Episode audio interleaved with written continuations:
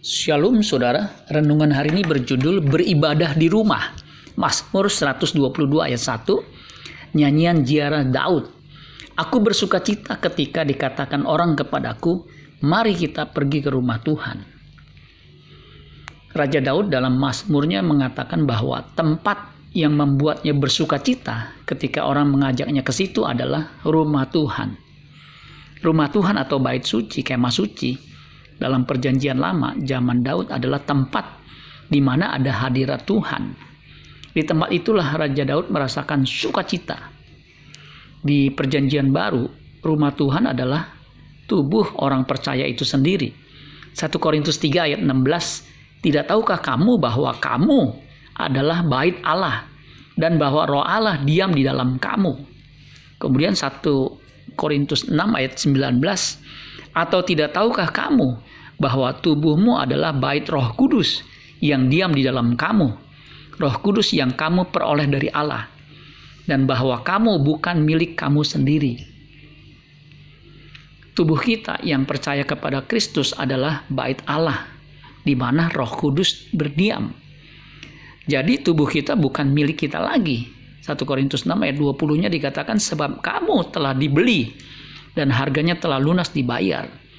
Karena itu muliakanlah Allah dengan tubuhmu. Ibadah kita tidak dibatasi oleh ruang dan waktu. Itulah yang disebut menyembah Allah dalam roh dan kebenaran. Di mana pun kita berada, kita bisa berhubungan dengan Tuhan. Ketika gereja harus ditutup atau diliburkan sesuai himbauan pemerintah untuk social distancing, hanya untuk sementara waktu demi mencegah penyebaran virus corona COVID-19, kita bisa beribadah di rumah. Karena ruang ibadah kita tidak dibatasi hanya di ruang gereja.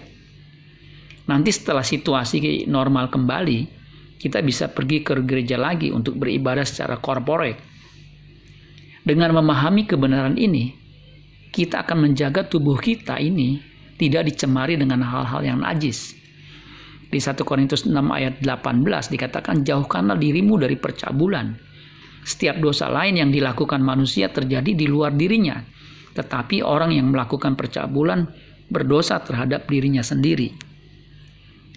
Ketika kita menjaga tubuh kita bersih, maka kita dapat mengikatkan diri dengan Tuhan, menjadi satu dengan Dia yang adalah kudus. 1 Korintus 6 ayat 17, tetapi siapa yang pada Tuhan menjadi satu roh dengan dia. Amin buat firman Tuhan. Tuhan Yesus memberkati. Sola Gracia.